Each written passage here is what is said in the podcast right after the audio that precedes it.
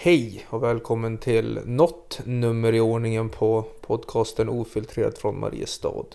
Ja, jag har tappat räkningen på avsnittsräkningen men eh, det här avsnittet är i alla fall ett samtal mellan mig och Ida Ekeroth Clausson. Eh, hon är en socialdemokratisk politiker här i Mariestad. Eh, jag tycker samtalet var spännande, givande och väldigt roligt. Eh, vi hade lite olika åsikter och lite meningsskiljaktigheter precis som det ska vara. Eh, jag vill tacka henne än en gång för att hon ställde upp och jag tycker avsnittet, ja men det blev bra, det vill jag säga. Så njut!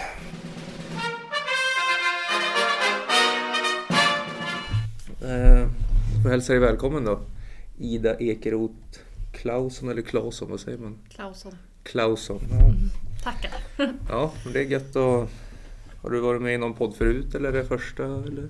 Det, det är faktiskt första podden. Jag är inte någon direkt poddlyssnare heller. Inte lyssnare heller, nej.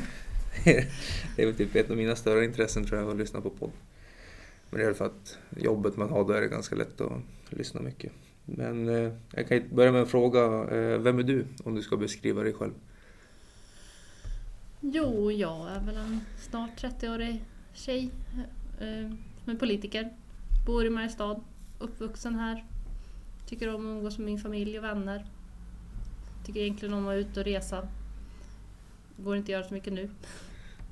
Nej, det, det, man saknar ju sina resor och konserter och sånt men om vi tänker Eh, gillar att resa. Vart, vart har du rest och, och lite så? Jag har ju rest i ganska många olika länder i Europa. Men eh, förut så åkte vi alltid utomlands någon gång per år. Mm. Men sen så tycker jag att det är roligt att bara åka på dagsutflykter och sånt i Sverige också. Vi, jag är ganska rastlös av mig. Eh, så att jag tycker om att boka in grejer men det kan även vara ganska spontant eller bara typ sådär åka och ta en fika på Kinnekulle kan också vara lite roligt. Ja, se, Sverige är ju ett väldigt stort land att se mycket i och det är väldigt många härifrån som är väldigt dåligt beresta uppe i Norrland ju. Eller alltså som inte har, alltså som tänker att, vad är det, allt, alltså Norrland är ju egentligen halva Sverige. Som har, många har väldigt dålig koll på hur det, hur det är där uppe.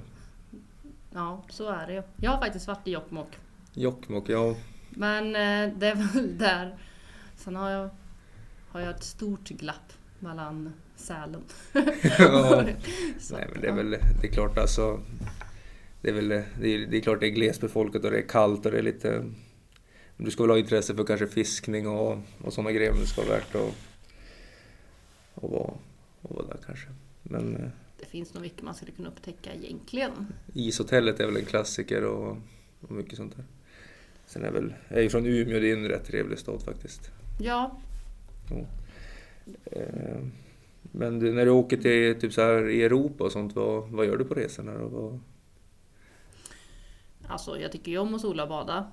Men jag vill ju även titta på typ historiska grejer eller och politik är jag ju intresserad av. Så att eh, vi brukar ju göra mer än bara ligga på stränderna. Sen tycker jag det är väldigt roligt att kolla på mm, åka till storstäder också så då får man ju checka av innan vad det finns för sevärdheter och sen så får man ju gå och kolla på de här kyrkorna och kända byggnader och kanske vart kända personer har levt. Ja, men det, ja, men det, det kan vara intressant. Eh, jag har gjort lite mm, research eller stalking eller vad man ska kalla det men eh, han du är gift med, han är med också i partiet och ni borde dela ganska liknande intressen där eller? Eh, jo, men jag och Sebastian har väl ja, mycket lika intressen. Både är ju ja, läst statsvetenskap och sånt. Men sen är ju han väldigt stor eh, sportnörd eller intresserad av det. Och det är ju i, ja, inte på samma vis. Det är inte så att jag behöver sitta och kolla på Vasaloppet nu eller följa skid-VM. Nej, men då är han väl lite mer lik mig då. Kanske. Uh, men uh, vad fick dig att börja med politik just då? Ja, men jag har alltid varit väldigt intresserad eh, av samhällsfrågor i stort och eh, engagerat mig och blivit irriterad om jag tycker att saker som inte har gått rätt till. På, ja, jag har alltid läst väldigt mycket. Så att först var det så här att man läste andra världskriget böcker och sånt, blev irriterad på Ja. ja, alla de sakerna. Eh, hur elaka människor kan vara mot varandra. Men sen blev jag ju även feminist och där blev jag ju ja, framförallt på högstadiet. Och sen, sen blev det att jag gick med i SSU och sen blev det bara mer och mer. Mm. ja. Men du, du berättade att du gick utbildade dig i statsvetenskap eller? Ja.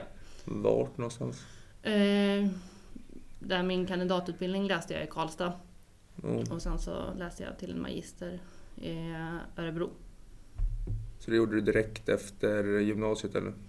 Ja. Så Mm. att det gjorde jag. Men jag har ju ja, alltid jobbat vid sidan om, eller alltid, men sen jag gick i åttan i alla fall. Så att jag, även om jag inte haft. Jag blev ju politiker ganska ung också och sen heltidspolitiker Ja, innan jag var 25. Så att eh, man kan undra om jag har haft arbetslivserfarenhet, men det har jag ju ändå även... ja men jag, har ju, jag brukar alltid berätta för folk i min närhet liksom vem, vilka jag ska podda med då. Och då brukar det bli då ploppar det upp lite så här små grejer och lite fördomar. Och det var väl en fördom som hoppade upp om att du bättre hoppa rätt in i politiken bara och inte ha liksom arbetat. Så Mm. den, eh, den kanske har hört från fler då med Den- tanke på att du tar upp den. Jo men det, det är såklart och de fördomarna kan man ju ha. Det- Alltså det finns ju många unga politiker som det har varit så för. Eh, Men för den åldern jag har så har jag ju haft väldigt många jobb. Eller jag har ju erfarenhet från att eh, ja, men första så här, att jobba i hamnkiosken och sälja glass och mm, ja, men hamburgare och sånt till att jobba två somrar inom vården och sen jobbade jag ju på Oxen i flera år. Tills Ja. jag Ja, när jag var klar och studerat klart då, då jobbade jag på Migrationsverket som handläggare. Mm. Hur var det jobbet då? Intressant men väldigt tufft för det var 2015-16 där. Nå, Eh, och då var det ju den stora flyktingvågen och eh, för de människorna man fick säga att de fick stanna så var det ju Ja. en jättestor lycka och vad Ja. glada de blev. Men för att säga till personer att de inte har tillräckliga skäl för att stanna det är ju ett jättestort trauma för dem. Ja, men jag kan tänka mig att det må- det måste vara ett svårt jobb för du måste ju verkligen lägga känslorna åt sidan ju. Ja, men På, det, på sätt och vis. För du måste ju följa alltså, vad som är sagt högre upp tänker jag. Helt klart. Och då får man ju... Ja, men då är det väl ändå så ganska bra att det finns ganska tydliga regler vad som gäller och att man kan hänvisa till olika lagar och sådär. Men Mm. man får ju inte låta känslorna blandas in eller så. För att vissa saker är det ju jobbigt. Ja, det kan jag verkligen tänka mig när det ja, när man måste skicka hem någon. Det, jag hade nog haft svårt med det där jobbet. För sen, det kan ju bli slå tvärtom också, att du bara ska jävlas med alla också. Det, det kan ju bli den också, Mm. att det slår... Men det var ju ganska skönt att det var ändå inte jag som borde ta de besluten utan jag fick ju bara förmedla. Vilket, om det var positivt eller negativt. Ja, så du behövde inte vara den som Det- berättade. Var, Alltså berätta fick jag väl göra men jag, det var inte jag som tagit beslutet. Jag tog bara beslut i pen, pengafrågor. Alltså hur mycket dagersättning och om någon skulle få pengar till att köpa kläder och sådana saker. ja. Eh, vad tänker vi här då? Eh, men jag tänker så här, ditt jobb nu, du är eh, oppositionsborgarråd om jag kollade rätt då. Ja, inte, inte borgarråd då för det är, så heter det i Stockholm. Men Jaha. oppositionsråd. Oppositionsråd, jaha, då tog, Mm. la jag till ett, ett ord för mycket. Ja, bra att, du- men vad, vad innebär det jobbet egentligen då? Eller, I stort är väl att jag är den eh, högsta representanten från oppositionen. Alltså i Mariestad så finns det två heltidskommunalråd eller heltidspolitiker. ja, Och det är ju Johan Abrahamsson som är från Moderaterna som är Mm. kommunstyrelsens ordförande.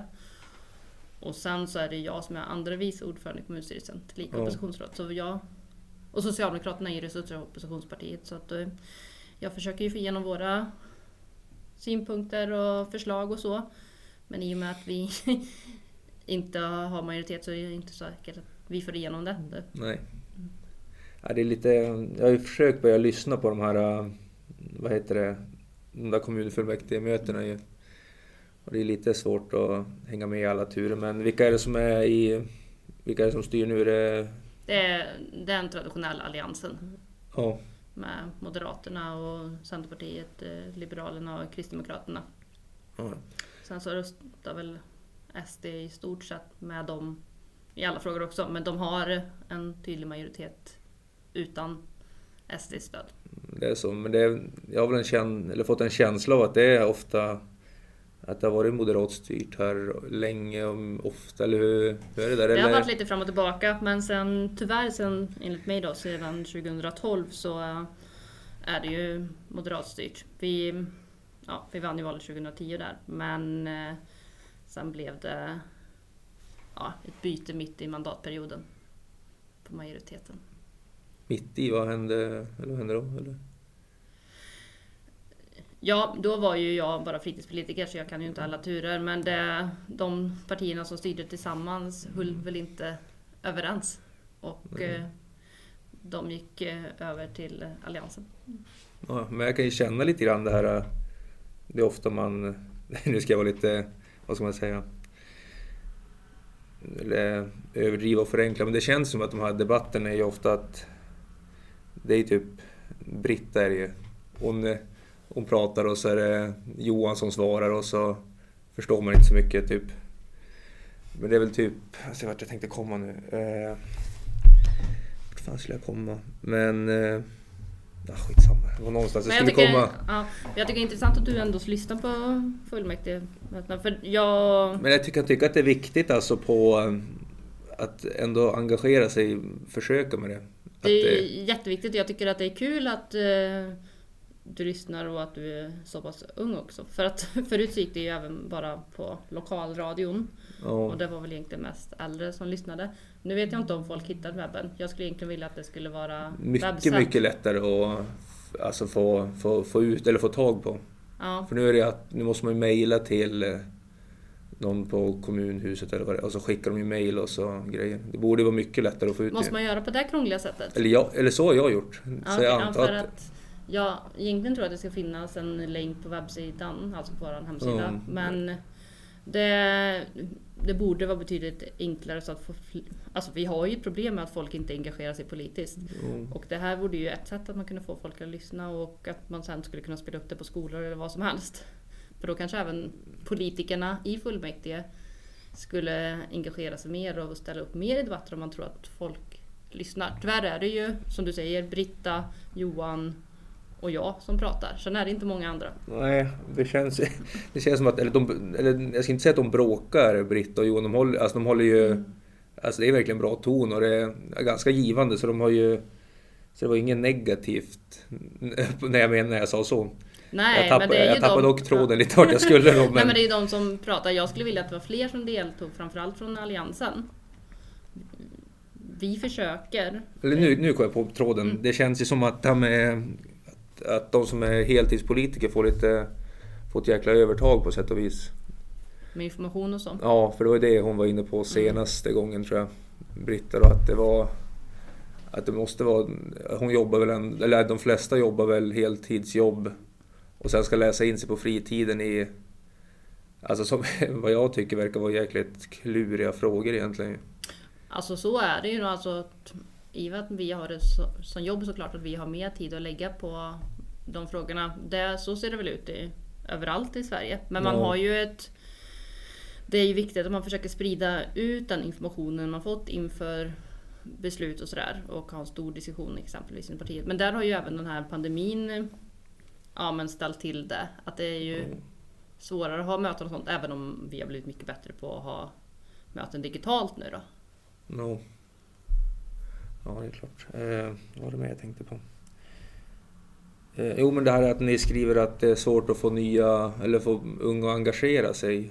Och jag såg, tror jag såg det i tidningen för några veckor sedan, en månad sedan, Mm. men att tidningen hade vet du, intervjuat all, de flesta partierna i alla fall med den Mm. frågan, varför är det så få som vill vara med? Så jag kan väl fråga dig, vad tror du, vad tror du att det beror på då? Alltså, man vet ju att eh, unga är engagerade ändå så, och vill att det ska vara, man ska ha så bra värld som möjligt. Om man så har åsikter. Ja. Men tyvärr så är det väl mer att man kanske mer riktat mot en fråga som man tycker Ja. är viktigt. Sen så har inte jag någon bra lösning på hur man ska få fler att engagera sig. Alltså jag umgås ju med väldigt många som är engagerade men då är vi ju ofta med i samma parti och så. Men jag har ju även flera kompisar som är kanske inte är det minsta intresserade och vet knappt om de ska rösta i val. Och det tycker jag är jättetråkigt. Jag kan egentligen inte riktigt förstå hur man inte kan ta ställning. Nej, du har, det, det har du faktiskt som... eh, Det är din skyldighet att ändå... Alltså, på, alltså ja, först att rösta och sen ändå... Alltså backa upp det med... Alltså du måste ju tänka igenom det. Det Men jag. precis, för att du har ju åsikter om nästan allting. Ja, Då borde man ju kanske ha en åsikt om att hur tycker man att skolan ska fungera? Hur ska äldreomsorgen fungera? Tycker vi att det liksom är bra? Eller vad tycker vi att man skulle kunna ändra? ja, för alltså man är ju... Ja, jo, det, det är verkligen så att man måste men det- Ja, eller det är nog det där att folk, de tycker ju saker men det stannar väl där. Alltså inte orka göra något. För då blir det typ den här man säger att ja, men det spelar ingen roll vad jag röstar på, det blir sak samma ändå. Och det, det blir det ju inte. Alltså det har ju en stor... Alltså om, om det är väldigt många som tänker så så blir det ju fel. Alltså man kan bara se mot eh, USA, alltså hade, om vi ser de förra presidentvalet då, inte det Mm. nu, när det var så många soffläggare. Hade Ja. de då gått och röstat på Hillary då, då, Ja. då så hade vi inte haft de här åren med Donald Trump. För det hade påverkat. Ja, men det är ju så... I USA där är det ju verkligen få som röstar ju. Mm, men där är det ju också helt omöjligt att nästan kunna rösta. Alltså det är väldigt höga steg för att gå och rösta. Man måste ha, ha vad heter det, registrera sig och sånt Ja, innan. systemet Ja. suger ju där ju. Det, det är mycket lättare här att bara gå och slänga in den i ett kuvert. Ja, här, här finns ju ing- ingen svårighet egentligen. Alltså du får ett röstkort hemskickat och sen ska du ha med dig din legitimation om du egentligen inte är tillräckligt känd för att veta Ja. att de i röstlokalen vet vem det är. Nej, men jag har faktiskt tänkt, eller jag har, jag har en tanke här som är att just i en sån kommunalval så har jag en tanke och teori om att man borde flytta det valet så att det är mellan riksdagsvalen. Mm. Så att det, för annars blir, jag tror också det här med intresset här att ja, röstar man på Socialdemokraterna i, ja, i, till riksdagen och då, då slänger man, ja men jag röstar dem på, vad är det, i kommunen och Regionen. ja, I stort sett är det så. I Mariestad är det dock en, tyvärr en eh, för stor skillnad tycker jag. Alltså, vi har ju fler röster till riksdagen än vad vi har i kommunvalet. ja. Men det kan väl bero på att, är det Mariestadspartiet som är så, kan de ha något med det att göra kanske? Ja, jag skulle säga att, det är att Johan är så pass populär, alltså från Moderaterna. ja. Ja, och eh, ja. Så där har han ju verkligen lyckats. Ja, men jag tror det skulle vara att, eh, en bra idé att man kör det varannat år så att man verkligen får... Då tror jag intresset skulle öka lite om det var... Då skulle ni, jag tror ni skulle behöva få jobba hårdare då. Det är min teori. Jo men så kan det säkert vara. Och framförallt gällande regionvalet. Alltså där, om vi skulle gå ut och prata med lite människor här, det är inte många som egentligen vet vem som styr regionen. Jag har inte en aning. Nej, och Det- det är ju Alliansen tillsammans med Miljöpartiet. Ja, Men sen så mycket så antingen skäller man på att man tycker att de i kommunen inte har till bra sjukvård eller så är det regeringens fel. Fast egentligen är det varken kommunen eller regeringen som Ja. styr sjukvårdspolitiken utan det är ju regionen. ja, men borde man inte kunna slå ihop kommunen och regionen till ett också? Det är också en te teori har. För att förenkla det kanske lite och... Borde inte det kunna gå? Ja, kanske. Men det, det är ju att man har ju så pass stort samverkan mellan de olika kommunerna, alltså sjukvårdspolitiken som ska täcka alla 49 kommuner i Västra Götaland. Eller Mm. att busstrafiken och kollektivtrafiken ska fungera. Men eh, något kanske man måste göra för att som det är just nu så är ju inte folk tillräckligt intresserade och engagerade. Vi har ju Nej. ganska högt valdeltagande både i riks och kommunen men det är lågt i regionen. Ja, no, det är klart. Ja, men det, ja, men det, jag tror alltså intresset behöver man ju ändå typ... mm, Ja, det behöver väl komma upp ändå. det har väl kommit för mig på senaste året. Jag vet inte vad det, vad det var som hände men... Du är välkommen att komma engagera dig i något parti också. jag poddar nu istället. Ja, men det är bra att du lyfter frågorna. Ja, att... få prata med dig och andra. Ja. Ja, men det, jag kan väl tacka redan nu att du ställer upp. Det är ju jäkligt roligt. Och det, jag har försökt höra av mig till fler och Britta har lovat att ställa upp också. Så det ska jag tänkte bli... säga, har du hört av Britta? Hon är nog en sån som kan tänka sig. Ja, hon var, ja, hon var jättesugen på att ställa upp men hon, eh, var lite, hon tackade nej när det blev nya restriktioner och det får man ju ah, okay. mm. förstå. Så det var... Men eh, jag tänker, varför blev det just Socialdemokraterna för dig då och inte något annat parti? Jag sa ju där att jag blev feminist på högstadiet. Sen så var det väl där 2006, vet man, i gick jag nian kanske. Då fick man ju göra sån här arbete med olika partier och läsa på. Och mm. Då stod jag faktiskt och valde mellan eh, Socialdemokraterna och eh, Liberalerna. Mm. Eh, men sen blev det på gymnasiet så lyssnade jag, då var det den här debatt mellan ungdomsförbunden.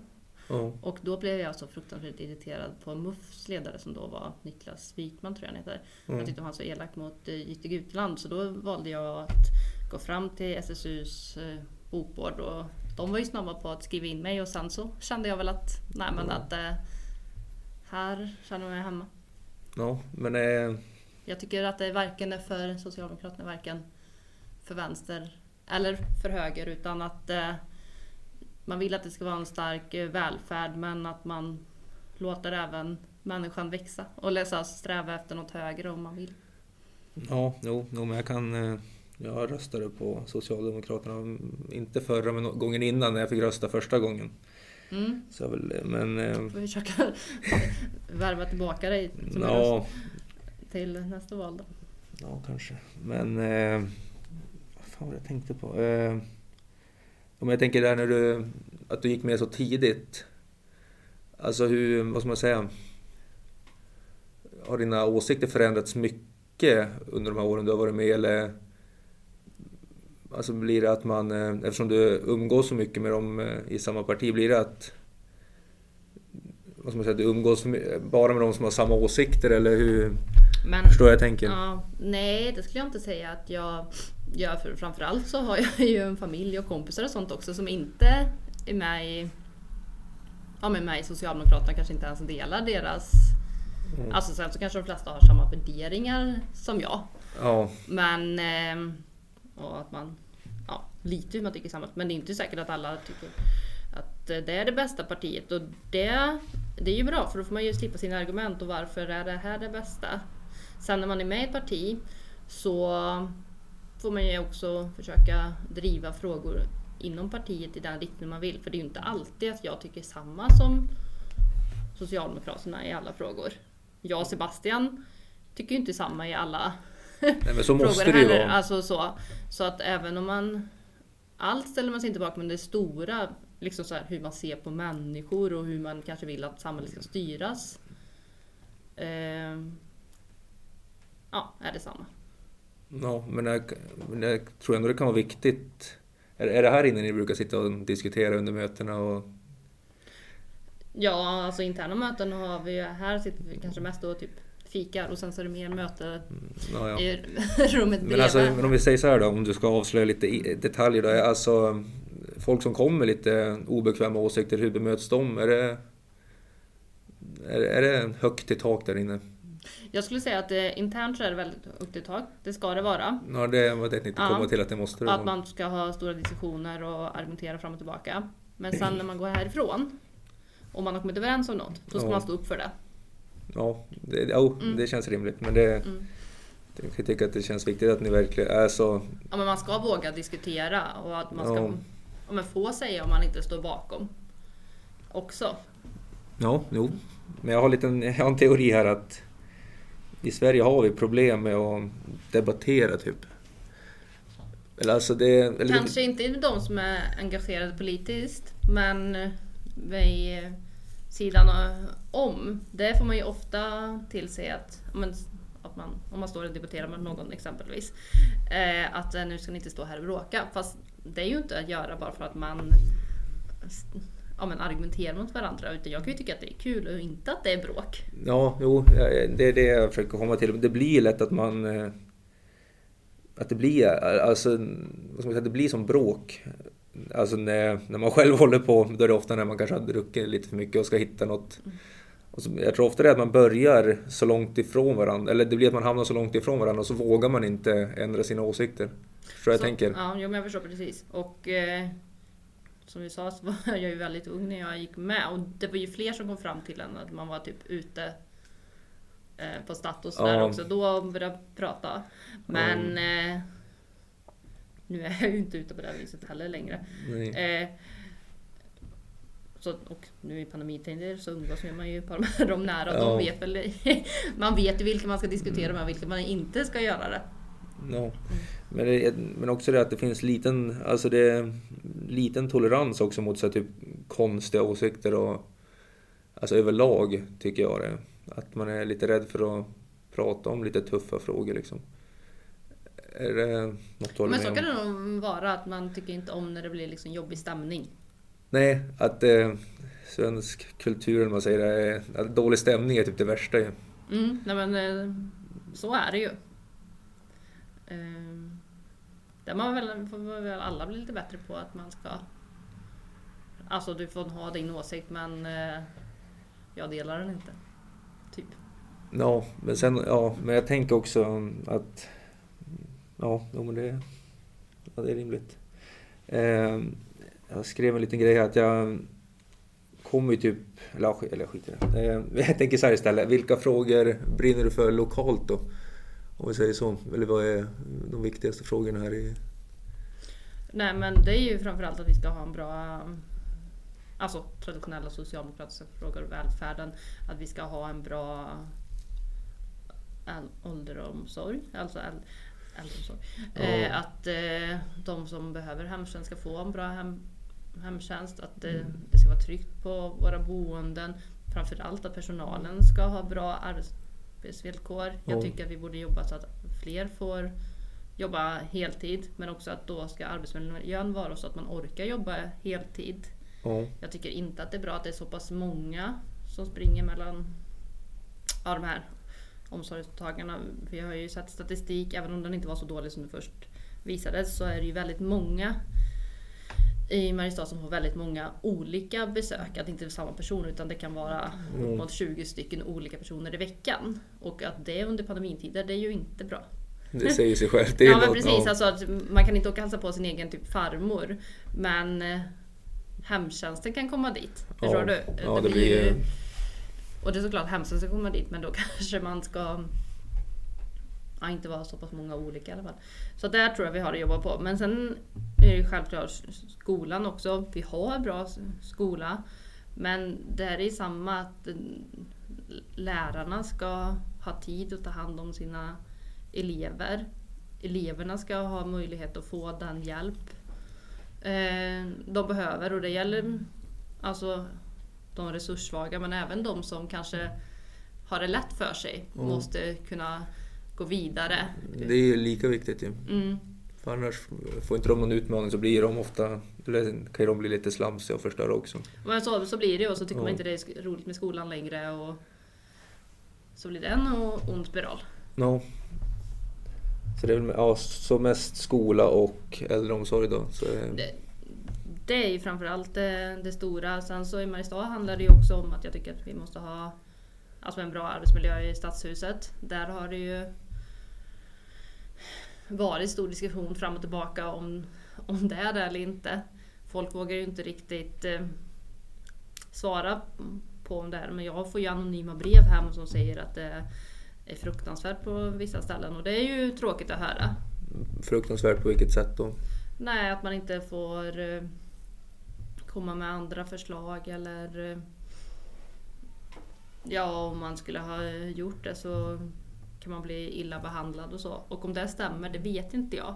Men det är ju obehagligt att de ryktena finns ändå. Så där tror jag man har, behöver jobba mer. Ja, det där är ju en hemsk arbetsmiljö. Eller den är både för den personen som har eller som ställer de obekväma Mm. frågorna och också att det kommer vad ska man säga, organisationen kommer ju må jättedåligt av det. Mm. Du måste ju ha de här, de som säger emot. Jo, men det De, de Ja. måste ju kunna behandlas, alltså, ja men deras kritik måste ju ändå behandlas med respekt ju. För det, du kan ju... Vet du den här podden, jag oftast spelar in avsnitt med min kompis ju, Mm. Douglas och bara, då snackar vi bara skit. Men jag tog upp det igår.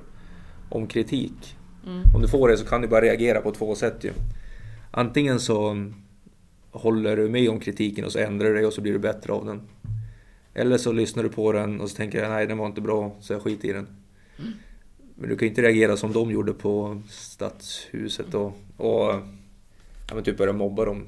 För Nej att men ha- alltså det, det går ju inte. Alltså, alltså det är ju jobbigt att få kritik. Det tycker väl jag också. När Ja, det suger att få Ja. kritik. Det är det värsta som Men finns. eh, det kanske typ. finns någon sanning i det, att man får försöka ändra sig eller och framförallt ha förståelsen av att andra kan uppfatta en på ett sätt som man kanske inte själv har menat.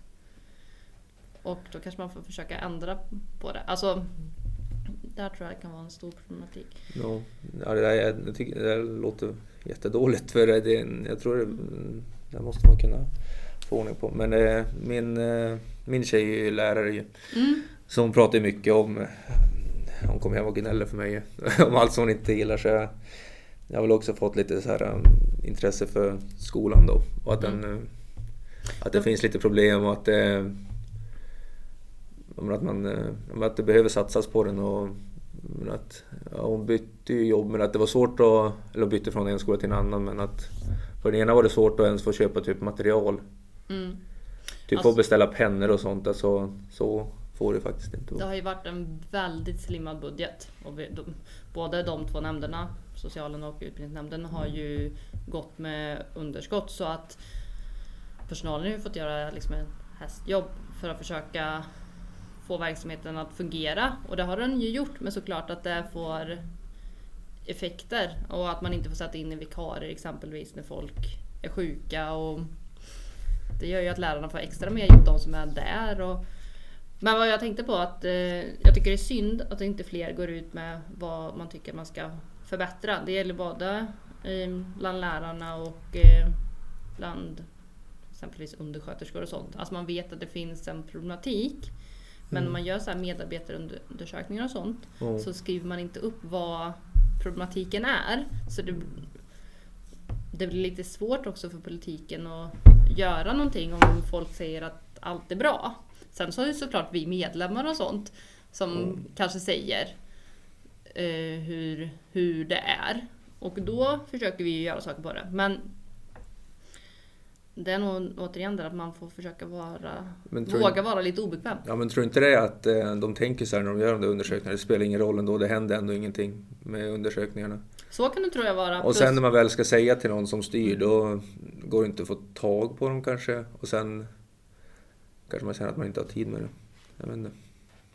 Jag tror också det kan vara lite att Men, ja, någon eh, annan kanske kan göra Om du, eh, ja, men eftersom du sa att budgeten var tajt både för eh, var det, skolan och något annat. Eller för Ja, äldreomsorgen. ja, Ja. Eh, vart ska man ta mm, pengar ifrån för om man ska satsa på dem då? Vart, Nej alltså, Var tycker du man ska ta de pengarna ifrån? där kan, det är väl en av de stora frågorna, skillnaden mellan eh, alltså Socialdemokraterna som har lagt budget och eh, Alliansen. Vi har ju haft mer pe- pengar och det har varit ganska många miljoners skillnad för att vi ville satsa på att anställa exempelvis mer personal inom eh, skolan och barnomsorg. Eh, men även inom eh, äldreomsorgen. Men, och då har ju en grej varit att man har kanske behövt höja skatten. Ja, Och det, det är såklart inte det är populärt. nej. Men eh, kontra mot en verksamhet som inte fungerar. Sen har man ju haft ganska tur att den har fungerat. Mm. Och framförallt så har man de, ja, jag tror alla, de senaste sex åren har man fått pengar som man inte räknat med från början.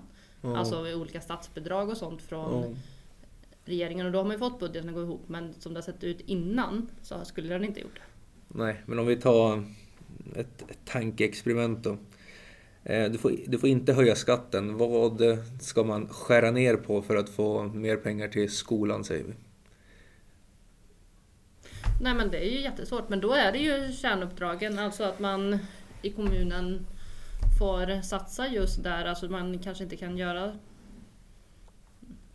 alltså, spännande experiment eller bygga saker som kanske skulle vara väldigt roligt men det kanske inte är det viktigaste just nu.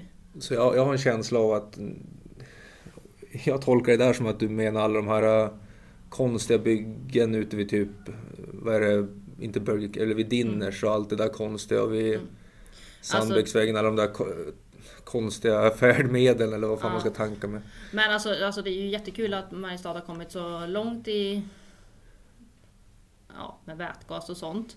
Ja, men, Men alltså är det, är det värt det eller? Det är ju frågan. Jag har en svår... Jag, Ja. ja. Och eh, jag tycker att det är kul att vi har kommit så långt och nu har vi ju verkligen kommit så långt. Men från början så var jag ju skeptisk till att man i det läget skulle lägga så pass mycket pengar. Då handlar det ju om att vi köpte in den här vätgastanken. Ja. För då hade vi inte de pengarna. Sen har man ju väl typ fått igen mycket från EU-bidrag och sånt. Men det är såklart att det är de grejerna man får lägga undan då om inte pengarna räcker till. För det hör inte till kommunens kärnuppdrag. Nej, jag har ju en känsla av att de där grejerna... Sån där teknik, det känns som att den kommer utvecklas fortare än vad, än vad kommunen kan hänga med i. Så att det kommer bli omodernt fort. Det är min känsla utan att ha läst någonting och kunna någonting. Så, Men att eh, den där, de där pengarna borde satsas mer på skola, det är väl min åsikt. Utan att vara insatt, jätte- inte alls egentligen. Flera av de grejerna i alla fall, eh, som man i det här Electro Village-projektet och sånt, i efterhand skulle man nog kunna lagt på annat som inte har fungerat så bra. Sen så har man lyckats bra i vissa grejer också och har blivit väldigt framstående och blivit som kända på karl. Så att det, det är ju kul, alltså jag är ju glad för att man har lyckats så bra. Ja, Men om jag måste välja mellan något så är det alltid skolan och omsorgen jag väljer före. Ja, det. Ja, eh, vi kan stanna på skolan då. Om vi tar bort pengafrågan och bara tänker typ så här. eh, Hur ska man få skolan bättre då? Om det så här, om inte bara, om man inte får satsa mer pengar, hur ska man göra så att den blir bättre ändå? Jag har ju en teori Mhm, och det är att börja med betyg i årskurs 1. Okej. För att eh, det kommer leda till att det blir tydligare, kraven eh, blir hår, eller inte hårda, men alltså de blir tydliga direkt och alltså, lite höga krav. Och att det kommer eh, ge skolan alltså mer vikt och att den, eh, ja, men den kommer vara lättare att förstå att den är viktig. Ja, där delar jag faktiskt inte den åsikten. Jag, alltså jag tycker det är bra att vi har betyg på hela högstadiet nu. Nu har man ju även det väl i sexan också.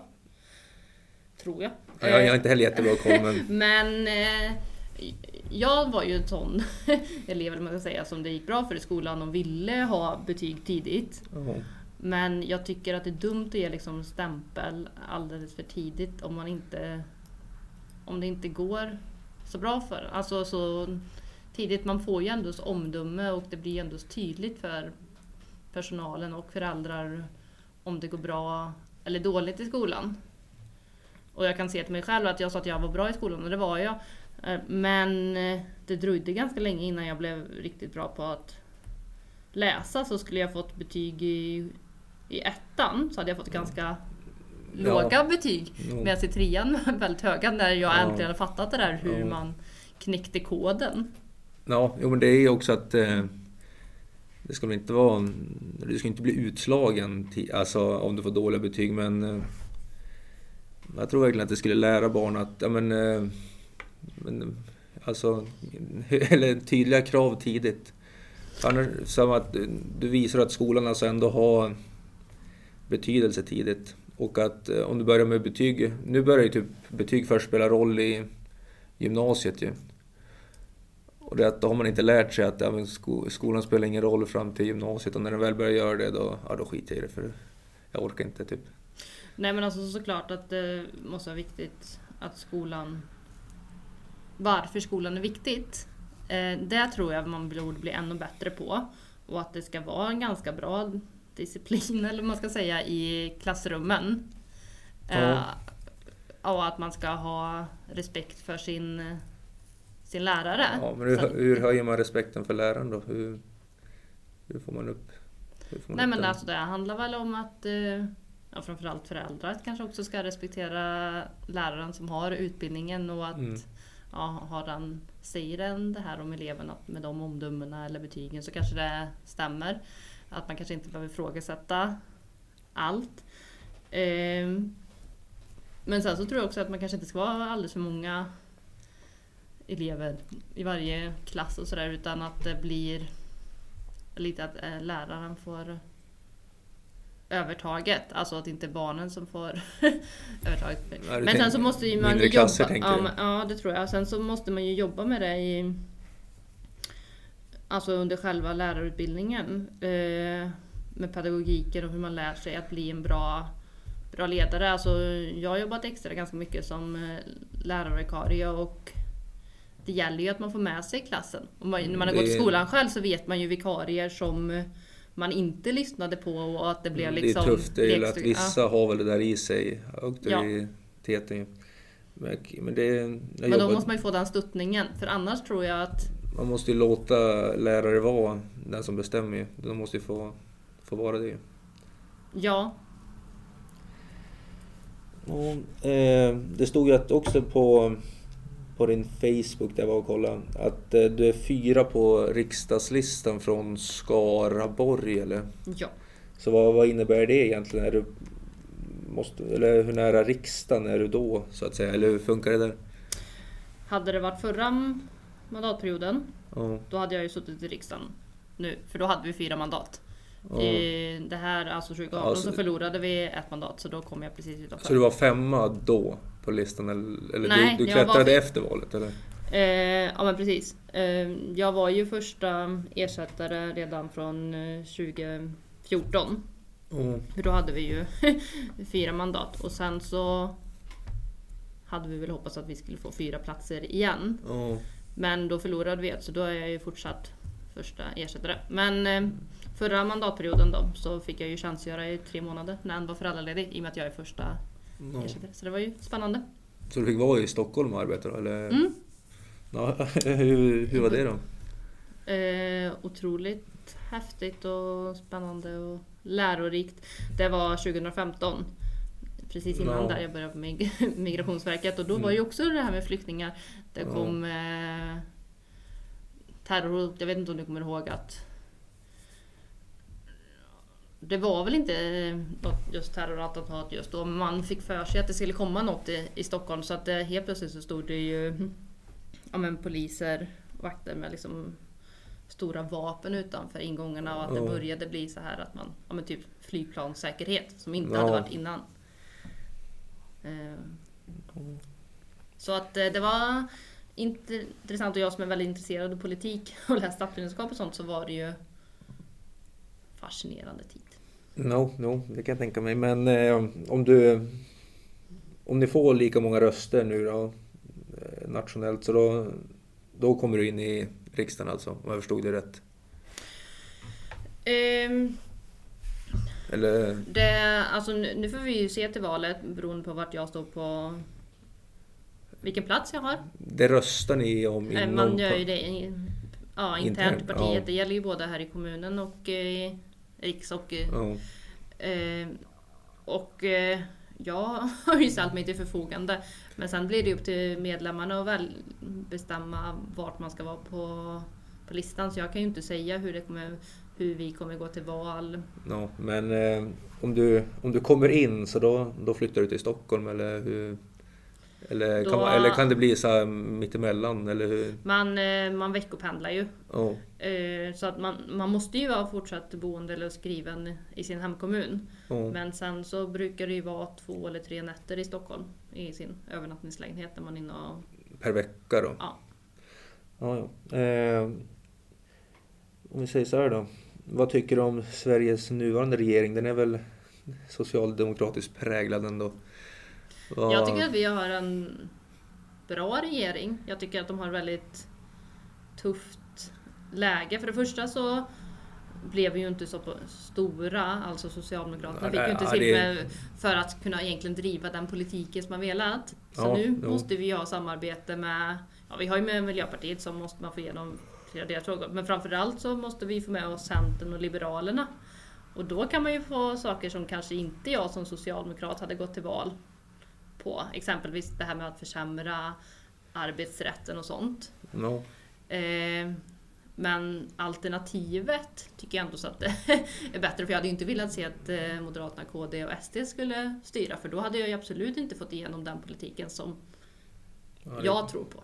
Eh, Ja, det är klart. Eh, Men om vi säger så här då. Skulle det kunna svara att, att svara eller tycka dåligt om eller alltså får du uttrycka dig så tror du? Eller alltså får det konsekvenser tror du om du uttrycker dig att du är sjukt besviken på Löfven, att han är riktigt dålig? Skulle det få konsekvenser om du uttryckte dig så tror du? Det är såklart att Alltså man skulle det, få- skulle det gynna dig på dåligt sätt? Eller alltså skulle det falla neråt i listorna tror du?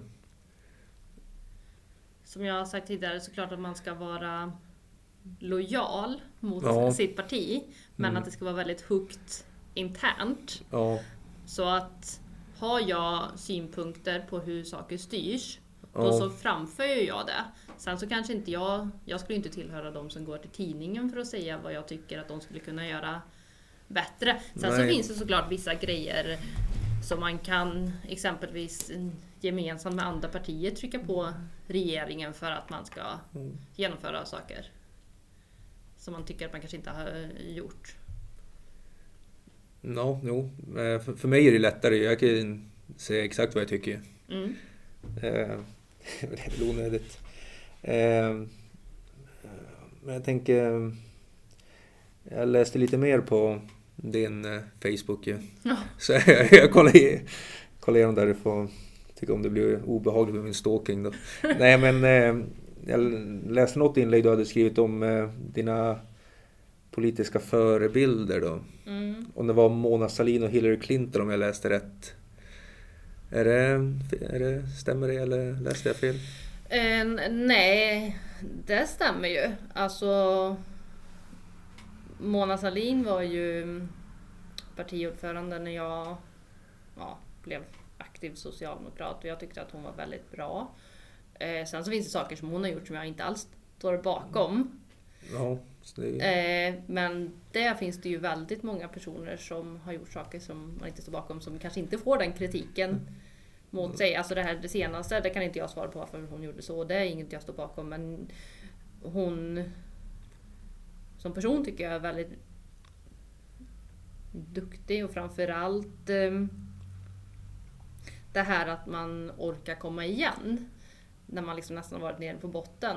Ja, Fortsätta det- att kämpa och inte låta sig någon trycka ner en. ja, men Det fascinerar mig. Det är en bra egenskap. Mm. Ja, det kan jag hålla med om. Eh, och så Hillary Clinton också. Eh, ja, alltså så pass kompetent som hon är. Alltså, jag tycker att hon har drivit ganska bra politik. Hon Mm. har liksom ja, men, krossat glastaket eller vad man ska säga. Alltså, att på den tiden så var det inte så många som läste till jurister i USA heller. Eh, Alltså att man vågar utmana normen tycker jag är, är roligt Ja, Och- ja. och fascinerande. Sen så finns det ju saker med henne också såklart man inte står bakom precis allting. Nej, så, så kommer det alltid vara. Men eh, på något sätt har hon ju fått, hur ska man uttrycka det, inte ett dåligt rykte men eh, hon förlorade ändå mot den som alla anser är den sämsta presidenten någonsin. Hon fick ju mer röster av folket. Tyvärr inte av... eh, Ja, det är, Och återigen till USAs konstiga valsystem att de har de här Ja. elektorerna som gjorde att det blev... Men eh, så, så är det hon förlorade ju. Ehm, och det tycker jag såklart är väldigt synd då.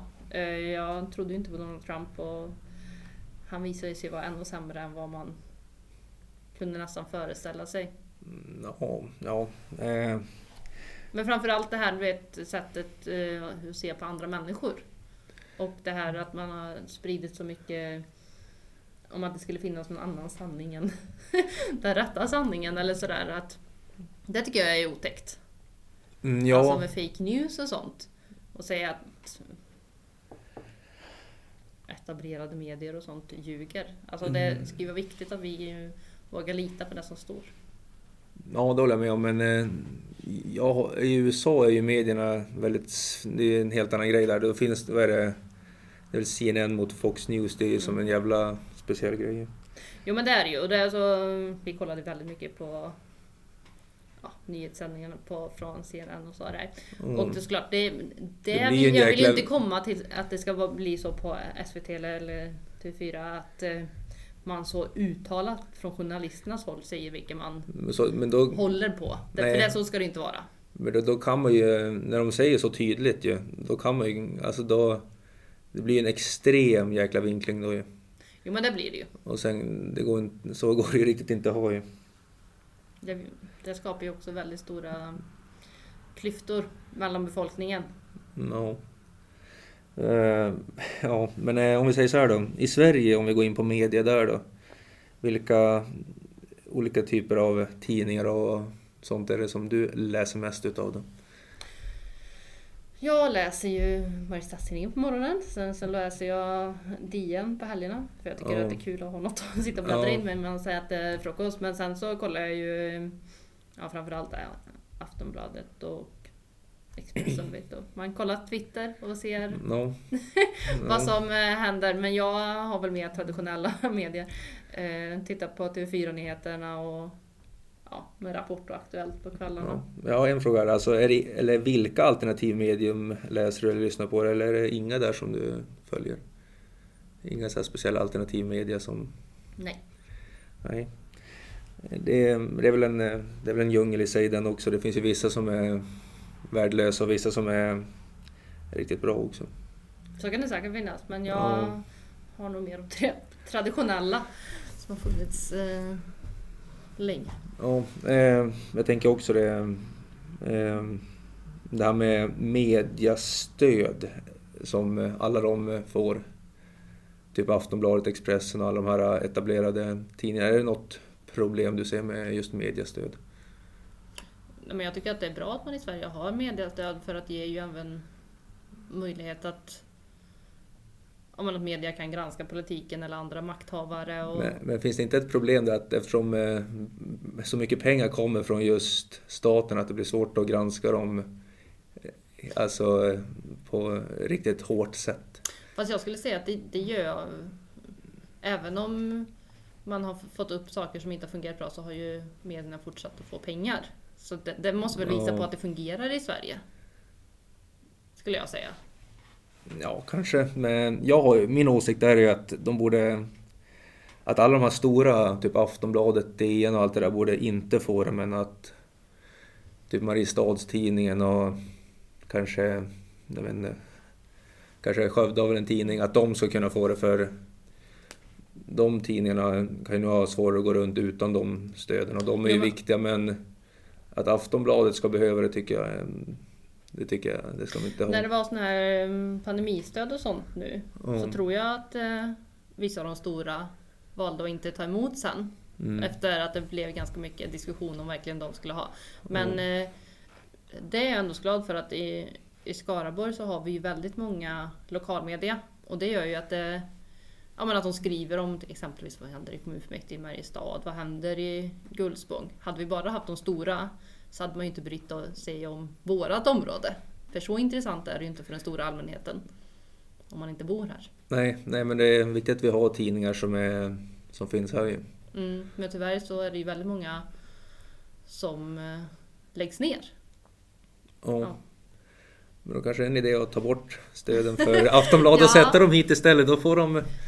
Men då blir det ju mer en rikspolitik då. Men det är såklart, det är ju sånt man eh, man är med och påverkar sitt eget parti. Vi har ju såna här partikongresser och sånt och då kan man ju kanske härifrån Mariestad skriva en motion om något som man Ja. sen beslutar på kongressen och då blir ju de socialdemokratiska riksdagsledamöterna och slutande regeringen tvungna att driva den politiken. No. Nej, men om vi säger så här då. Eh, när ni har era kongresser eller någonting. Mm. eh, Då är alla de stora, eller stora hönsen där eller, eller eh, är det alla som är...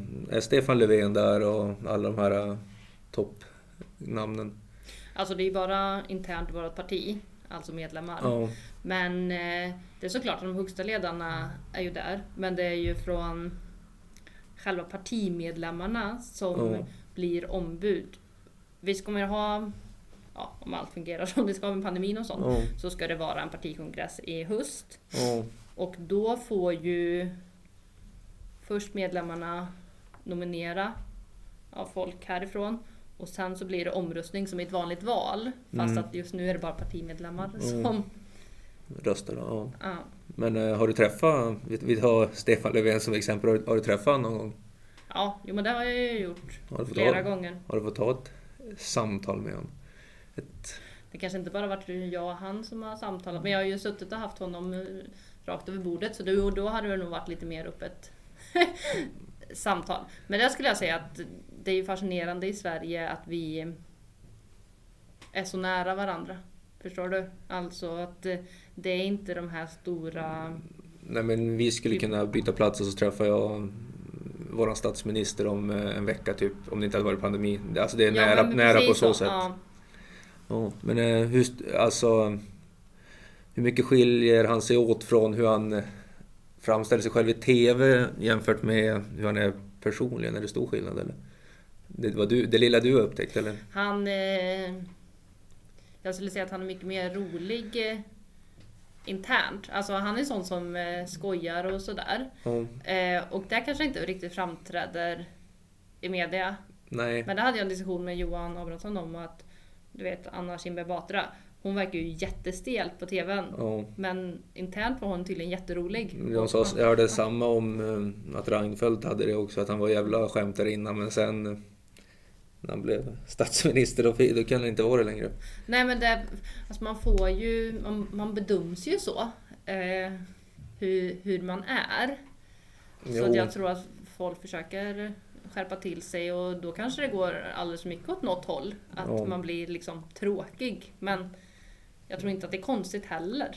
Nej, men jag hörde där någon teori om att humor det bygger ju på tvetydighet ju. Mm. Och det kan ju som, eh, det kan stå i motsats till att vara en politiker. Mm, och man måste vara tydlig. Mm. Och humor kan ju... Det, måste, det blir nog jävla svårt att, vara, att träffa rätt med humorn ju. Så tror jag. Och som kan bli lätt med missuppfattningar. Ja, och så är Mm. folk... Så älskar folk att kasta skit också. Helt klart. Eh, men jag tänker så här... om Vi håller, det, det finns något som heter Agenda 2030 va? Mm. Eh, vad är det för något? Det är ju hur man ska nå de eh, globala målen. Och det handlar ju allt om så här att vi måste minska växthusutsläppen för att vi ska kunna få ett klimat som vi kan leva i. Men det handlar ju även om att det ska vara bra ja, men, villkor för, för människor. Att eh, fattigdomen ska minska. Eh, så det är ju väldigt... Men det, Rätt. det är alltså typ något världsmål eller? Ja, jag tror att det är typ att FN som har Ja. fatta beslut om de här.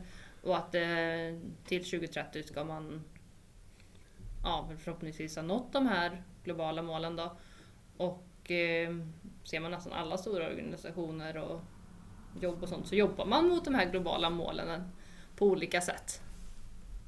Ja, men eh, vad ska man säga, vad innebär det för, Maries, eller för Mariestads politik eller vad man ska säga?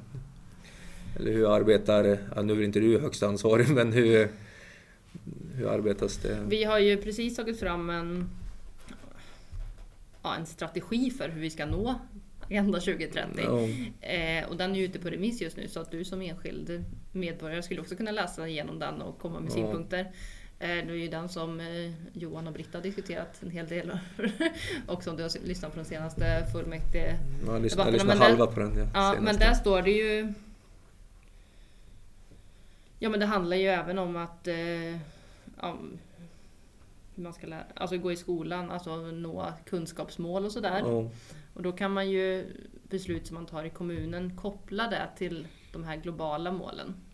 Mm, Hur gör vi för att minska fattigdomen? Vad måste Mariestads kommun tänka på? Eller hur gör vi för att minska växthusutsläppen? Jo, vi måste ha riktlinjer för vad får vi köpa in för material?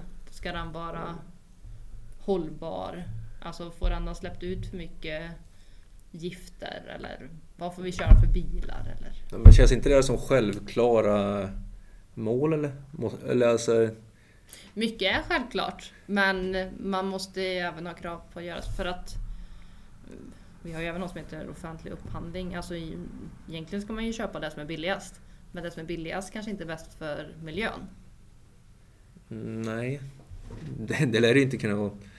Nej, men så en, så en enkel grej kan vara att vi inte har engångsprodukter i kommunen längre. Eller det, det har vi ju, men typ sådär förut så fanns det vet, plastglas inne på toaletterna. Nu finns inte det för att det blir...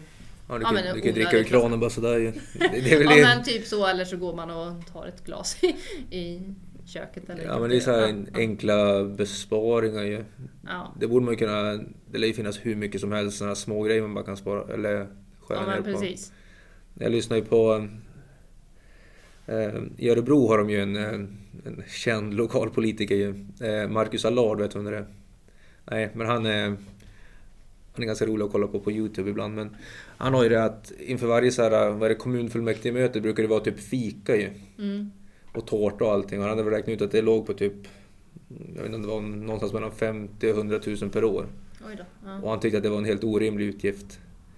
Så jag antar att det finns mycket sånt ja men där finns ju. även här också som alltså bara måste skalas Mm. bort. Är det, är det något? Jo men som det kan det jobbas säkert med. finnas. Just sådär massa fika kan jag inte påstå att vi har det inför våra möten. Eh, inte fullmäktige i alla fall. Vi hade julsmörgås. Och kanske även inför sommaren. Sista. Men eh, det är såklart att det finns säkert onödiga utgifter. Men vem är det? Alltså finns det någon som jobbar på att få bort sådana? Eller alltså, Jo men det skulle också det? kunna vara sånt som vi som från KSA eller ja, kommunstyrelsens arbetsutskott skulle kunna ge uppdrag på. Var kan vi hitta saker som vi kan spara in på så vi Mm. inte behöver? Som man liksom gör för att det är så man alltid har gjort. Ja, för alltså det är ju... Höja skatten, det är ju... Det är inget som... Man, man vill ju inte betala mer i skatt ju. Nej, Det- det, vill inte du- jag heller. Du vill ju Alltså, inte det, men du vill ju ändå ha... eh, Du vill ju ha en bra fungerande sjukvård och, Mm, och allt det där så... Jag är mer för den där att man måste skala ner som fan på det som inte behövs. jo men det, det gör man ju och det måste man ju hela tiden. Sen så har vi ju de senaste budgeterna också, man har gett mindre pengar.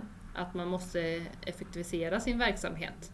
Mm. Alltså kolla hela tiden på, kan man spara in något här? Man kanske kan göra på något annat sätt. Eh, för att ja, men sträva uppåt eller vad man ska säga. Och Ja. det fungerar ju ganska bra. Sen får inte det bli för, för hårt. Heller. Nej, ibland måste du ju Mm. slösa pengar, eller slösa, Mm. eller eh, satsa pengar för att få, få saker att fungera. Men det är som i sin egen hemekonomi. Alltså, jag tycker om att gå ut och äta mat. På lunchen liksom. Ja, Men det kostar ju. ja, Så där kanske jag får ta bort och börja ha matlådor. Att det är ett sätt att spara om du gör en Mm. privatekonomisk jämförelse, typ, ja. Men så är det väl, eh, ja, ja, det är väl som man får tänka att, alltså politik är ju prioriteringar ju. Helt klart. Och det är väl det, det, är väl det som är svårt. Eh, Jag tänkte på en grej. Att du, du sa att du blev feminist på högstadiet. Mm. Vad, alltså vad innebär, eller varför blev du feminist? Och vad innebär feminism för dig? Alltså för mig så är det ju att jag strävar efter jämställdhet. Alltså jag vill att män och kvinnor ska vara lika mycket värda. Eh, och framförallt att vi ska ha samma möjligheter att lyckas i livet. Men även att jag erkänner att det finns en skillnad i samhället. Där män tyvärr fortfarande står lite högre än kvinnor. Och då är ändå Sverige ett av världens mest jämställda länder. Men det finns ju fortfarande en problematik. Alltså jag spelade hockey. Ja, Eh, och eh, jag också spelat hockey så jag, det är, nu kan jag, jag kan nog hänga med i den här. Ja men här, alltså du, du kan ju se vilka stora skillnader det, det finns. Och eh, i Mariestad då, vi sat, där satsade man ju inte ens på tjej eller damhockey. Vi fick ju spela i Turboda. mm, Och sen så kanske Boys som och betalade lite pengar till. Alltså jag Ja. vet inte riktigt hur det fungerar för vi hade ett gemensamt lag. ja, Men de gångerna vi var i Mariestad, då fick vi jättedåliga tider och vi fick inte byta om i ishallen för då, då prioriterades killarna utan då fick man byta om i Vänershovshallen, den är ju riven nu. Ja. Och liksom gå. eh, så det är en massa sådana där småsaker irriterade mig. Ja. No, det är väl... Ja, det är så, ja. Ja, och eh, vi kan väl se att det fortfarande är så alltså att även om man är på högsta nivå i många sporter, framförallt lagsporter i Sverige, Ja. så måste damerna ha ett jobb vid sidan om, fast inte killarna. ja, men då är ju motargumentet att eh, på, om vi tar hockey som exempel då. Så på vissa i SD och HL som det heter då, högsta ligan i damhockey, då är det ja, men typ 150 personer på läktaren medan det kan vara 10 000 på herrarnas. Så, så är det ju. Så det, det är ofrånkomligt att de kommer dra in mer pengar. Det- Ja, och Så- där tror jag att man får jobba med att eh, ja, sprida intresset. Alltså det är lite fascinerande i, om man ser enmansidrotter och så här, vi pratar om skidor och sånt. Mm. Där kan framförallt män och sånt, även kvinnor tycka att det är kul att kolla på damerna. Ja. Men man är inte lika intresserad av att kolla på en ja, SHL. Men tittar du på handbollen, Ja. där kollar folk på damerna. Så där har man ju lyckats bättre. Ja, jo, jo det är ju det, är ju det där. Men det är väl alltså... Det blir väl underhållningsvärdet på något sätt. Jo, det är såklart, men ja, jag tror vi har att jobba på där. Men jag är ju själv sån så att jag, jag tycker att det är roligare att kolla på Färjestad. Just hockey tycker jag att det är väldigt kul om vi pratar om sport. Ja. Så där följer jag ju matchen, men jag, jag följer ju inte något SDHL-lag. Det gör jag ju inte, fast egentligen Nej. tycker jag ju att jag borde göra det. Ja, men det, det blir ju... Ja, det, är, det är en klurig fråga där, men alltså... Men framförallt så tycker jag att man ska ha rätt förutsättningar redan från början. Alltså att vi ska satsa lika mycket på, på barnen. Alltså, nu, man är ju på god väg. Alltså, alltså när jag, jag- spelade hockey så kunde inte jag spela TV-pucken fast jag spelade Västgöta laget blev uttaget Ja. som, men vi fick ju inte, vi blev ju inte inspelade och sådär. Nu är ju TV-pucken även för tjejerna och Ja. sådär. Ja, nu spe, ja. Det är väl ungefär där killarna brukar växa ifrån Mm. efter vid 15 års ålder. Så där ska det ju helt klart platsa en tjej så är det väl inga problem med att hon ska vara med. Nej men alltså att det, att det är en egen liga. Alltså, En egen TV-puck nu också. ja För- men precis. ja. Ja, så att man visar alltså tjejer då. tjejerna Ja. som spelar. Ja, det är väl, det är väl asrimligt att ha. Det är väl inget Ja, snack om och det är saken lite att de konstigt att det har dröjt så länge. att de ska spela mm, samtidigt. Ja, det funkar väl. Men jag tycker alltså... Jag ser väl inte att det är något... Alltså rent möjlighetsmässigt så är det väl... Jag ser lika stora möjligheter för killar och tjejer här eh, för att växa upp i Sverige. Jag ser inte någon...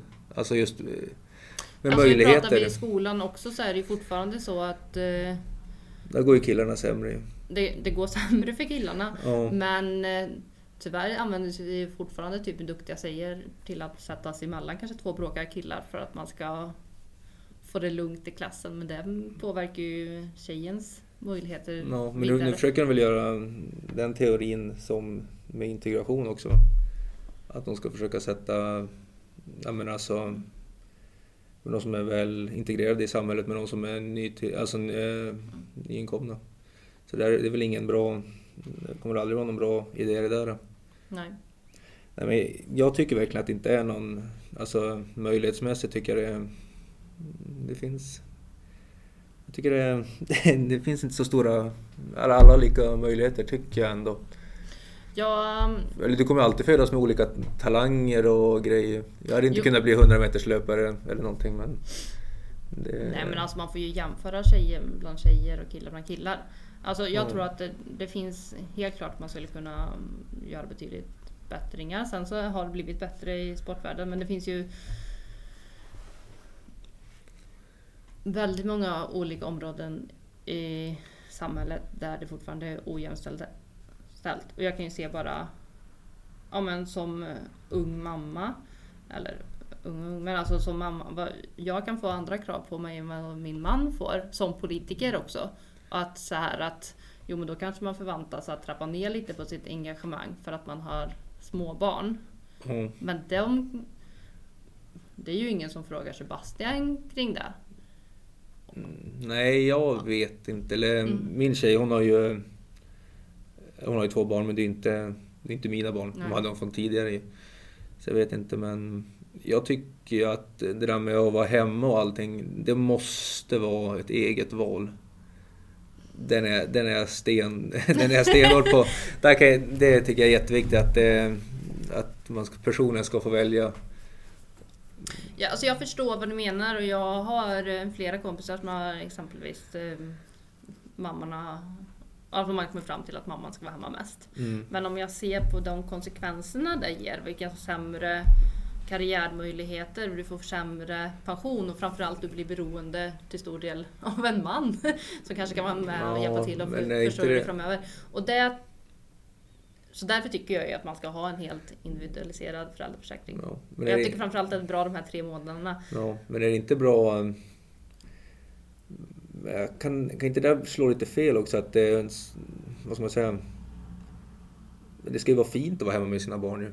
Alltså att det ska uppmuntras ju. Ja, Men att det, nu ska inte typ såhär bara, men... Vad ska man säga? Men att det är typ den... eh, Vad ska man säga? Det, att det är det man ska sprida, att det ska vara jäkla fint att vara hemma med sina barn ju. ja, ja men det är såklart. Men det borde väl en man kunna tycka lika mycket. Ja. Och jag tror Men då är det ju där tjejerna har bättre, alltså finare värderingar egentligen ju. Om man, om man ska generalisera så ju.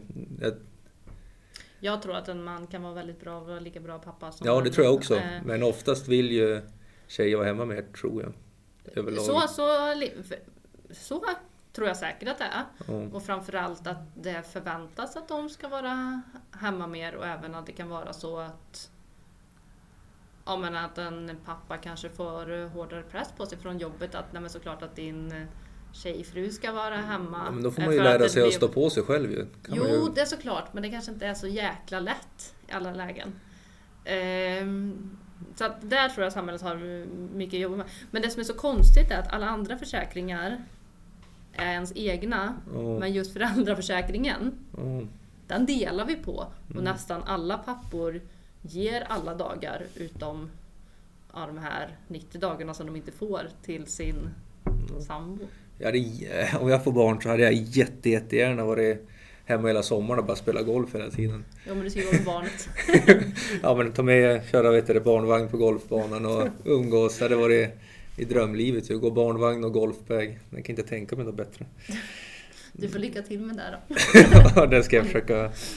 Ja. Eh, ska vi, eh, jag tänker en sista fråga här då som jag inte tog upp med, eller två frågor till, med alternativ media. Mm. Eh, eller inte om alternativ media, jag tänker om det här med mediastöd och grejer. Jag tycker att public service ska läggas ner ju. Mhm. Att det, det måste läggas ner på en gång. Vad, vad säger du? Absolut inte. Jag tycker att det är bland det finaste Sverige har, att vi har en public service som ska vara oberoende. Eh, Men kan de vara oberoende när de får, alltså när de eh, får pengarna rätt från staten? Ja men det är ju pengarna från staten är ju Ja. skattepengar som Ja. du och jag är med Är och tvingade betalar. att betala ja. Ja precis. Men det är ju våran... Alltså vad är alternativet? Att vi bara ska ha massa kommersiell media där stora bolag alltså skjuter in massa pengar och att eh, Ja, att det kan bli sådär vinklat som det är i USA då. Ja, men jag tycker ju att eh, public service är ganska vinklat. De är, det går inte att vara oberoende. Jag tycker det är problemet sitter. Att eh, det går... Fast det, jag tycker inte att det är vinklat. Alltså, många säger att det är väldigt vänster.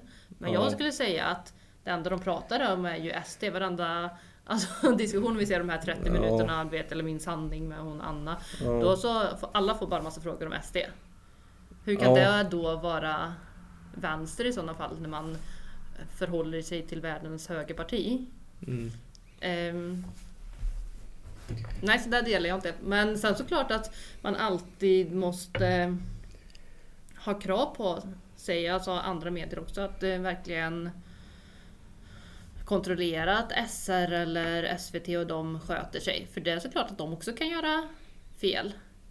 Ja, det, eh, det är klart de gör. Men eh, det kostar ändå 1400 per år, såg man nu när man fick skatten. Rätt 1397 kronor per år.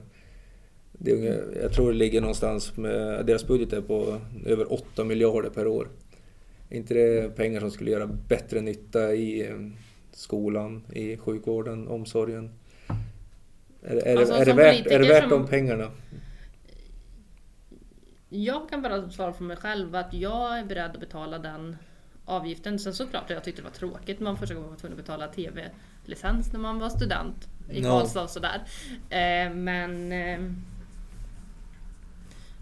jag tycker att det är viktigt att vi har en öppen public service som verkligen granskar makthavare och sådär. För att det är det som ändå visar på att vi är en demokrati också. Men skulle inte jag bara kunna göra det? Alltså jag kan ju gå och granska dig eller någonting. Behöver man ett public service för att kunna granska makten? Det kan Behöver och behöver, jag vet inte men i dagsläget så tycker jag inte något alternativ till att ta bort det.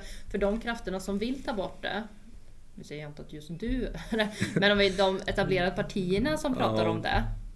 De vill ju ta bort det för de tycker att det är obehagligt och inte stämmer överens med deras världsbild. Om vi pratar om SD Ja. exempelvis. Eh, och även viss från andra högerhåll. Mm. Ehm, och jag vill ju inte se en sån utveckling som i, i Ungern och Polen och sånt där, alltså, där det verkligen blir statsägd media. Det kan man ju inte ha. Det, Nej. det är inte bra. Nej men eh, nu vart, nu det fler grejer här. Eller har du någon, har du någon tid att passa eller?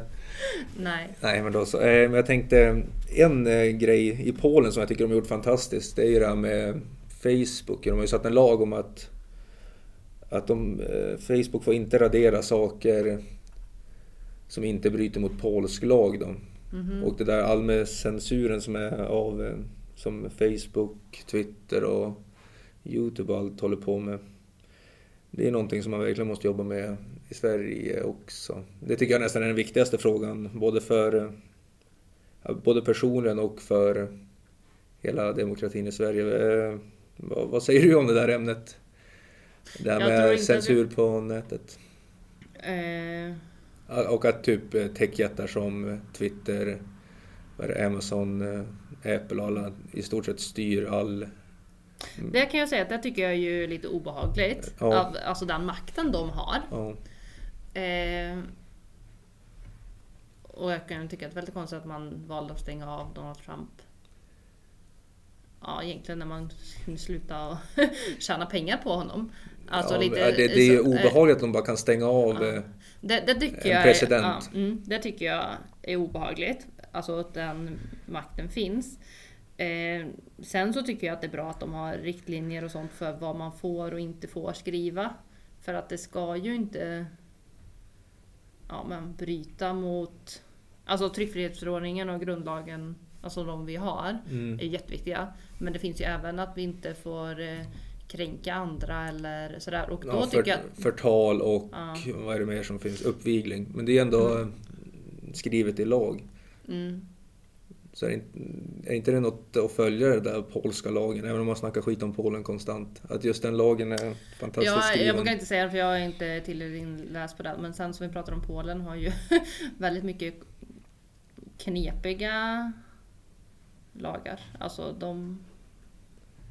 Ja, nej jag, jag vågar inte svara på om de har gjort det bra kring det. För Mm. att eh, jag vet inte vad mer de Nej. har. Men jag tycker det är den viktigaste frågan och för mig. Mm, Det är det som är min brinnande... Eller om jag ska välja en fråga inom politiken så är det nog det här Mm. med att de eh, kan bestämma vad de tar bort och inte. Och att då, eftersom de har den makten så kan media absolut inte vara fri. Nej, men alltså jag tror ju, du, om du säger att du vill ta bort public service, Ja. att det kommer bli mer sådana då. Techjättar som kommer bestämma ja. kring mer traditionell media också då. För vilka andra skulle det vara? Vart ska de få pengarna från? För saker kostar ju fortfarande. Eh, annonser, eh, så här, mikrodonationer du kan swisha in. Det går ju, det går ju att finansiera på andra sätt ju. Mm. Ja. Ja, det är kul att diskutera men jag delar inte. Nej, det, det, det, jag tvingar inte att tycka på något sätt. Nej. Det är väl det som är det, det, är väl det, som är det fina med, med det här samtalet, att vi, man får tycka olika. Eh, Mm. men, ja, eller jag tänkte en grej som man måste ta upp när man pratar om svensk politik som vi ändå gör nu, så är det väl SD. Mm. Vad har du att säga om dem? en väldigt öppen fråga igen får du. Alltså, jag sa att jag blev engagerad i mig för ja, politiskt för alla människors lika värde och det här med feminismen och sånt. Ja. Och SD står ju så långt ifrån mig som man bara kan komma för jag tycker att de skiljer på människor och tycker vissa är mer värda än andra.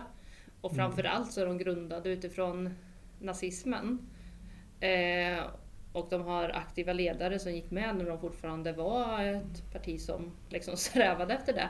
Så att för mig så är det ett obehagligt parti. Sen så har ju de fångat upp betydligt, alltså väldigt mycket människor som ser att det finns en problematik i samhället där vi kanske mer etablerade partier har misslyckats. Så där måste man ju jobba, förlåt, men min lösning blir ju inte att ta efter SDs politik. Mm, nej, nej det, jag, kan, jag kan köpa det. Men eh, det, man får ju ofta höra, nu kommer du få en, eh, en liten tuff fråga kanske. Det man får ju ofta höra att eh, SD har haft en eh, mörk historia, det har de ju haft också. Det är ofrånkomligt ju. Mm. Men eh, ditt egna parti har ju också haft en liten mörk historia under andra världskriget. Där ju. Hur, alltså hur står den, eller alltså hur, hur förhåller ni er till den och är det något ni pratar om eller hur funkar det där?